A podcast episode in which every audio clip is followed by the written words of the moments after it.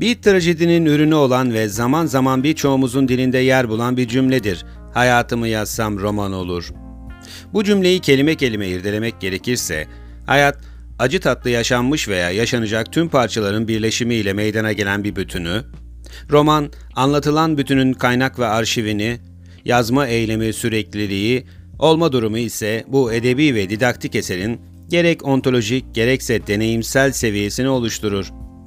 Sakıntı veren düşüncelerin bizleri ele geçirmesi, sorumlulukların karşılanamayacak kadar artması, kendimizi doğru ifade edememek, yaşanmışlıkların normalden fazla ağırlık yapması, yalnızlaştırılma gibi etkilerin sonucunda hayatın otomatik olarak kurdurduğu bir kalıp söz dizimi olan bu cümle çoğu zaman hayata geçmeden yok olur.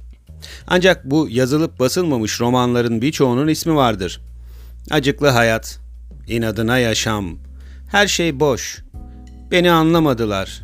Benim sefil hayatım. Keşke hiç doğmasaydım. Bu cümle karşısında oluşturulmaya çalışılan dramın genellikle başkaları tarafından anlaşılmadığını düşünen kişilerin hayatı ve insanları eleştirel bir bakış açısıyla değerlendirmesi sonucunda ortaya çıkması daha olasıdır. Zira olaylara ve insanlara objektif bakan kişilerin hayatında bu tarz eyleme geçmemiş cümlelere rastlamak çok zordur. Hepimiz kendimizin, çevremizin, başımızdan geçen, geçmekte olan ve geçmesi muhtemel olaylar zincirinin kurgularıyla oluşturulan bir hayat sürmekteyiz. Gerek kişilerle, gerekse olayların kendisiyle kurduğumuz ilişkiler, kurgulanan bu hayatı acı veya tatlı algılamamıza neden olan ve tüm bu bahsi geçen hayat romanlarına ismini veren olaylar bütünüdür. Gelin bu podcast'i biraz kişiselleştirelim. Sizce hayatınız bir roman olsaydı adı ne olurdu? Bu kitabın içeriğini zenginleştiren ana temayı bir ya da birkaç kelimeyle nasıl tanımlardınız? Peki yazmayı istediğiniz bu kitabın konusu hangi zamana ait olurdu? Geçmiş mi? Şimdi mi? Gelecek mi? Kendinizi hangi sıfatlarla adlandırırdınız? İyi kendilik, kötü kendilik, güçlü, zayıf, akıllı, tembel, Kitabın zamanı konusunda genel kanının yaşanmışlıklarla olacağı kanaatindeyim. Geçmişte yaşantılanmış ki bu bir saat hatta bir dakika öncesi bile olabilir, farkındalık duvarından geçmeyip bizi kendi otonom yapımızın dışında bir yerlere taşıyan ve haklılığımızı yüceltmek adına ötekini aşağıya çekmek üzere kurgulanmış bir hikaye örgüsü oluşturulabilir. Burada haklılık ya da haksızlık kavramlarının çok da önemli olmadığını belirtmem gerekir. Sadece hayatımızla ilgili bazı bilgilerin kişisel algılanabileceği gerçeğinin yatsılanamayacağını anlatmaya çalışıyorum.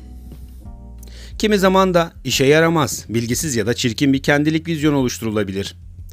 Belli bazı çerçevelerin içine oturtulmuş söz kalıpları, örfi, kültürel veya inançsal şekillendirmeler, hayatımızı önem derecesine göre girip çıkan kişiler, İç dünyamızda farklı anlamlara karşılık gelen duygu ve düşünceler sanırım bu kitabın oluşmasında büyük katkı sağlayacaktır. Bilindiği üzere beynimiz bir kelime avcısıdır.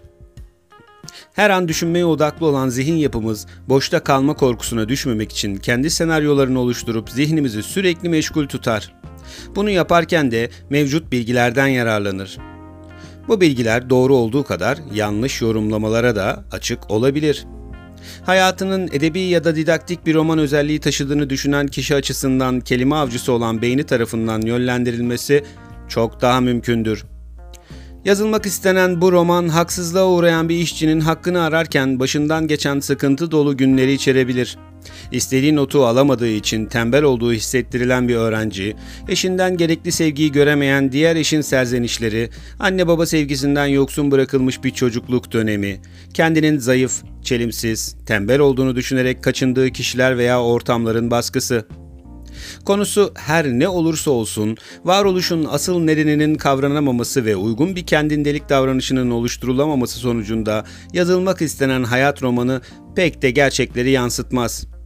Her zaman yargılanacak sanıklar, haksızlığa uğranılmış zamanlar, ceza verilecek suçlular bulunur.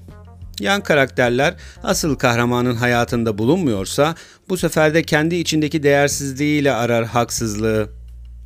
Öğrenilmesi gereken asıl gerçek ise tüm bu haksızlıkların en az haklılık hali gibi normal karşılanması ve bir adım geriye giderek farkındalığın artırılmasıdır. Bırakalım da tüm olumsuz düşünceler olumlular gibi zihnimizden akıp geçsin. Tıpkı trafikteki takip mesafesini koruyan taşıtlar gibi. Bizleri yaşanması muhtemel olumlu hayatımızdan alıkoyan bazı duygu ve düşünceler de tıpkı trafikteki araçlar gibi zihnimizde peşi sıra hareket etmektedir. Zincirleme akıl tutulması kazalarına sebep olan ve bizlere zarar veren bu duygu ve düşüncelerin arasına güvenli bir takip mesafesi koyduğumuzda farkında bir yaşam fikrini ve güvenli bir anlayış tekniğini de kav- kavramış oluruz.